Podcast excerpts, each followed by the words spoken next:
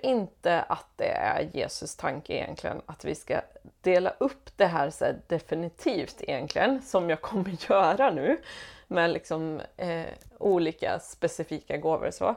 Utan gåvorna är så mycket mer dynamiskt och organiskt än så. Liksom. Den och den och den och den. Eh, vi ser ju olika ut var och en och tänk liksom en, en kroppsdel. Hur många miljoner olika näsor finns det inte? Trots att alla har en näsa så ser de så otroligt olika ut. Eh, och de fungerar lite olika trots att alla ändå har samma funktion. Man känner olika dofter, näsorna rinner olika mycket och så vidare. och så vidare. Eh, men jag vill ändå ta den här uppställningen av olika gåvor som jag kommer göra nu för att förhoppningsvis bredda vårt perspektiv på vad en gåva skulle kunna vara.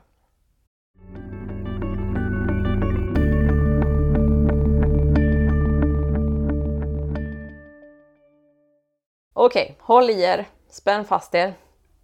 Konstnärlighet, hantverk, givmildhet, gästfrihet, kunskap, barmhärtighet eller medlidande, musik, organisation, självvald fattigdom, vishet, apostlaskap, själavård, evangelisation, hjälpsamhet, ledarskap, mission, tjänande, herde, leva i celibat, undervisning, befrielse, urskiljning, tro, helande, tolkning av tungotal, under och tecken, bön, profetia, lida för sin tro och tungotal. Det finns lite av varje gåva i varje troende människa eftersom att allting kommer ifrån Gud och allting gestaltar honom. Eh, vilket betyder att varje kristen har ju någon del av allting som Gud är. Eftersom har man anden och då har man liksom lite av allt det som anden är. Ehm, men att man liksom har fått vissa som är starkare än de andra. Du kan ju också eh, lite av många gåvor eh, trots att det inte är din styrka kanske. Eh, trots att du liksom inte har fått det som din givna gåva av anden. Du kan städa även om du inte har tjänandets gåva till exempel. Och du kan lägga upp en plan för din sommar även om du inte har gåvan att administrera eller organisera. Du kan visa medlidande med andra även om du inte har gåvan av barmhärtighet eller medlidande. Så. Eh, så alla gåvor är en del av att vara kristen.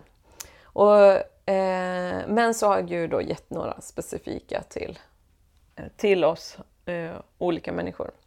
Och sen vill jag också tillägga att det kan vara så att Gud liksom skruvar upp och ner våra gåvor lite som ett mixerbord eller en ljudapparat så, utifrån vår omgivning. Eh, så tänk inte liksom, om du hamnar i ett team till exempel där många är väldigt lika dig och har lika gåvor som dig. Tänk inte då att åh, nu får inte jag utlopp för mina gåvor. För då kanske Gud vill skruva upp någonting annat hos dig. För du, har ju, du är ju mångsidig såklart.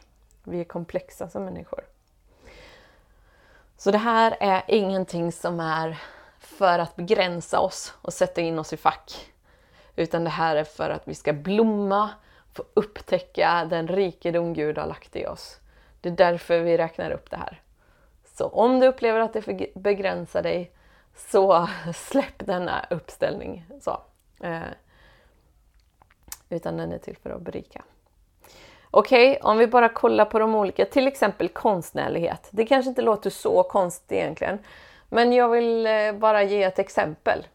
Min vän Ellen till exempel. Eh, vart hon än går fram så sprider hon verkligen färg och kreativitet. Hon ser liksom saker i allt. Hon ser konst, konsten och det vackra i allting. Hon kan gå förbi en husvägg och så fotar hon det. Eh, Och plötsligt när man ser det här fotot så ser man liksom vad hon ser. Och det är så vackert.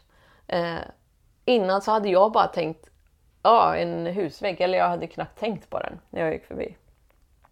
Konstnärlighet. Sprida färg och kreativitet. Hantverk, det kan ju vara ganska likt det där. Jag tänker på eh, min bror till exempel, Martin. Han är snickare. Han är väldigt så praktisk. Han har praktiska lösningar i allting. Det är aldrig något problem att fixa någonting för honom. Liksom. Utan han är, han är väldigt en händig karl skulle man säga. Eh, han har hantverk som sin gåva. Det, är, det har visat sig under lång tid. Givmildhet är också en fantastisk gåva. Samuel. Eh, en man som vi eh, fick lära känna när vi bodde ute på Tjörn då, som jag berättade om. Eh, ofta kom han, vi, vi teamade där ute vilket innebär att man jobbar ideellt och hade inte alls mycket ekonomiskt eh, Eh, och ekonomiska möjligheter. Liksom. Eh, ofta kom Samuel och stack till oss pengar eller andra grejer också som vi kunde ha användning av. Så här. Han bjöd oss på hockeymatcher eller på fika eh, och han understödde oss under de här åren då vi teamade. Eh, plus att han gav liksom enskilda bidrag. Ibland sa Samuel till oss så här och man märkte liksom att det var sån extrem kärlek i hans alla gåvor som han gav oss. Ibland sa han till oss så här Säg ingenting till frugan bara. Och så stack han till oss någonting mer. Ehm, han fann sån glädje i att ge. Det här tangerar ju gästfrihet. Jag tänker på, på familjen Aldeblad. Ehm, som kanske några av er känner. De har liksom varit familjehem och samtidigt haft en flykting boende hos sig och samtidigt haft hus, deras husförsamling, deras bönegrupp hemma hos sig hur ofta som helst och samtidigt liksom bjuder de hem massa olika konstellationer av folk eh, som de knappt känner själva ibland. Oavsett vilka det är så är man alltid välkommen hemma hos Aldeblads. De har gästfrihet som gåva. Kunskap, som vi nämnde. Min kollega Mats det, det är förundligt tycker jag, när saker bara fastnar. Liksom. Man kan läsa en bok och bara komma ihåg vad man har läst. Det är en fantastisk gåva tycker jag. Man har ett oerhört intresse för att forska. Han är otroligt bibelsprängd, Mats. Vi skickar alltid eleverna till Mats ifall vi får olika bibelfrågor. Vilken gåva! Barmhärtighet och medlidande nämnde jag ju också som en gåva. Malin, min vän Malin, hon kommer liksom aldrig med några moralpredikningar. Utan bara när man säger någonting som man kanske skäms för eller någonting som har hänt eller så till henne så är hennes direkta respons Åh, vad tufft för dig. Jag kan verkligen känna igen mig. Eller så säger hon Det där är ju inte alls ovanligt att man känner sådär. Eh, och plötsligt bara sänks ribban och man känner att man kan sänka axlarna det finns så mycket barmhärtighet och medlidande hos Malin. Man känner sig liksom inte dömd. Självvald fattigdom, den kan ju vara någonting som man kan fundera lite över. Vad är det egentligen? Jag tänker på Enok, en annan vän till oss. Han liksom bara gav bort allt han hade för att han ville leva i en ryggsäck. Han kände frihet av att ha allt han ägde i en ryggsäck. Eh, han älskade det. Nu känner jag mig i mitt esse, nu känner jag mig fri. Och han, liksom, så fort lönen kom in på hans konto så kände han, varför ska jag ha det här? Och så, ville han, så frågade han Gud vart han kunde ge det istället. Han ville leva enkelt.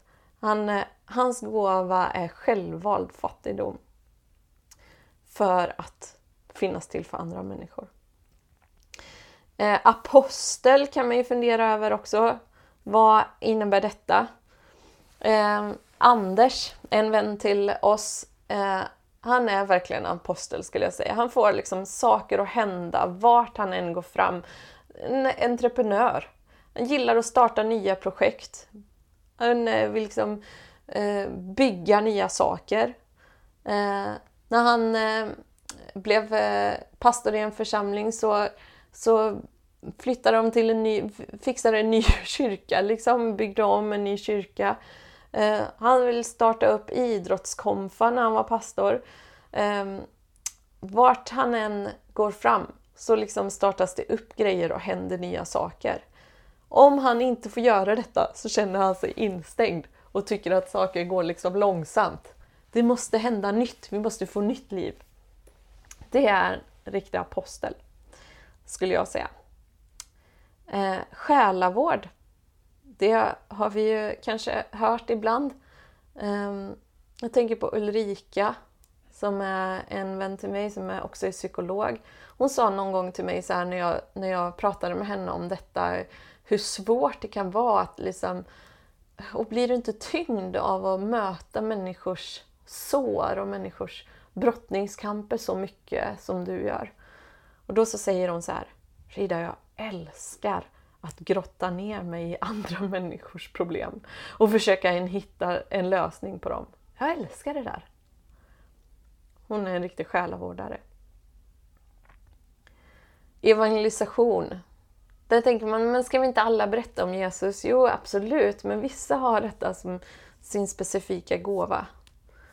Lovisa till exempel. Hon är en sån där bara, vart hon än går så bara drar hon uppmärksamheten till sig. Hon, det smittar av sig, hon inspirerar. Hon har en extrem förmåga att göra saker enkelt för andra människor. Och människor som kan tycka att Eh, det här med tron och med Gud kan verka så långt borta blir plötsligt väldigt naturligt och eh, nära för när man, har, när man pratar med Lovisa och är i närheten av honom, henne. Kanske är hon inte den största djupdykaren men hon är verkligen någon som eh, drar människor närmare Jesus i sin i sin evangelisationsgåva. Vad har vi mer för luriga grejer? Jag kommer inte ta upp alla de här olika gåvorna som jag sa, men, men kanske någon mer ska vi nämna. Eh, befrielse till exempel. Det kan vi tycka, vad, vad innebär det för någonting? Och jag, det kan absolut vara dels liksom att man, man ber för eh, människor och, och, som blir fria från demoner och demoniskt betryck, mörkret på olika sätt. Men också liksom att man bara sätter människor fria till att vara de de är, vart man än går fram. Eh, Magnus till exempel, min vän. Många hade försökt att be för en person som man märkte eh, helt enkelt var, var besatt av en demon. Eh, och eh, man hade försökt att ropa och tilltala den här demonen och försvinna och allting så här. Och så kom Magnus och sa Shh, Gå härifrån. Var det enda han viskade. Och så lämnade anden personen. Och personen blev fri och kunde leva sig själv igen. Han hade verkligen en gåva av befrielse. Det var liksom så naturligt för honom. Urskiljning. Vad är det då? Ja, men eh, Berit, min vän Berit, hon kan liksom känna av saker så fort hon går in i ett rum. Det är saker som inte står rätt till här, kan hon känna. Även om det verkar bra rent andligt eller liksom kyrkligt sådär, så kan hon ändå känna nu är det saker här. Liksom, hon känner av atmosfären, hur människor mår, vad som rör sig i rummet på olika sätt och så. Eh, och det kan vägleda henne till att faktiskt be för eh, atmosfären och be för människor så att de blir fria från det som tynger dem. En fantastiskt viktig gåva av urskiljning. Stefan, en annan eh, vän med den här gåvan, han ser saker in i det övernaturliga med egna ögon. Till exempel kunde han se änglar på varsin sida om en eh, scen när han skulle gå upp och predika och kände verkligen att han behövde Guds uppmuntran på något sätt. så fick han se eh, två änglar som stod på varsin sida om scenen. Som liksom styrkte honom och bara, jag är med dig, säger Gud genom de här. Eh, han hade också en gåva av urskiljning. Det är inte bara så här om det är, om det är eh, goda andar eller dåliga andar liksom så, utan det kan också vara sant och falskt eller rätt och fel. Man helt enkelt på olika sätt kan uppleva och känna av eh, svart och vitt, typ. Så. Ni märker det är lite svårt att förklara olika sådana här grejer och särskilt på den här korta tiden vi har nu. Jag vill absolut inte tänka att nu ska vi ha någon fullständig eh, bild av alla gåvor här utan kanske får det här dig att bli lite mer nyfiken, att upptäcka mer och läsa på mer. Och då känner jag att jag har lyckats. Eh, sista jag vill ta bara är eh, det här med tungotal och tolkning av tungotal. Paulus eh, säger, pratar om det här med att tala i tungor, bland annat i första Korintierbrevet kapitel 14 och vers 18.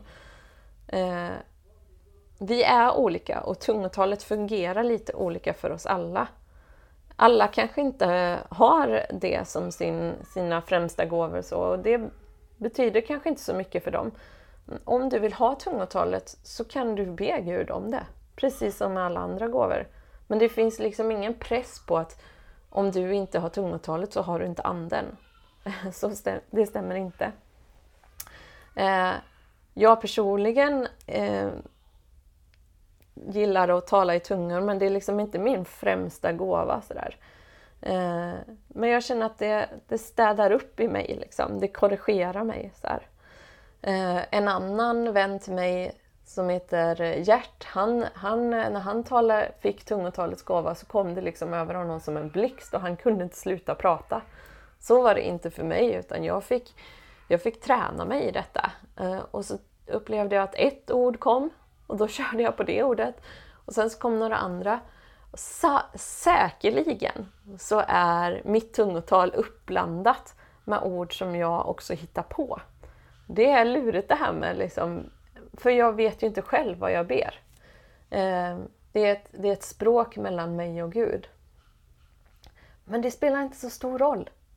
Jag tänker när Hedvig, min dotter, började lära sig prata eh, och så sa hon två ord som kanske var rätt och ett tredje ord som inte var rätt. Då, då är inte jag och så här, men Hedvig, lär dig att prata rätt innan du börjar prata med mig. Utan jag är superglad för att hon vill försöka kommunicera med mig och, eh, och lära sig mer av att göra det. Precis som när Gud, han är superglad när du vill testa och försöka öva dig i tungotalet och, eh, och låta anden eh, be genom dig. Eh, tala, tala genom ditt, eh, ditt språk som du har fått. Gustav nämnde det i någon predikan, men jag vill också bara säga det här nu att en, en kvinna i en församling som eh, jag jobbade i ett tag, eh, hon såg, för henne såg hon liksom tungotalet som en text framför sig. Hon hade tolkning av tungotal som sin gåva. Så när någon bad högt i tungor så kunde hon liksom, ja, men hon fick det här som en text framför sig. Så hon kunde uttyda vad någon annan bad trots att ingen förstod vad den här personen bad på för språk. Så kunde hon förmedla till församlingen vad Gud ville säga.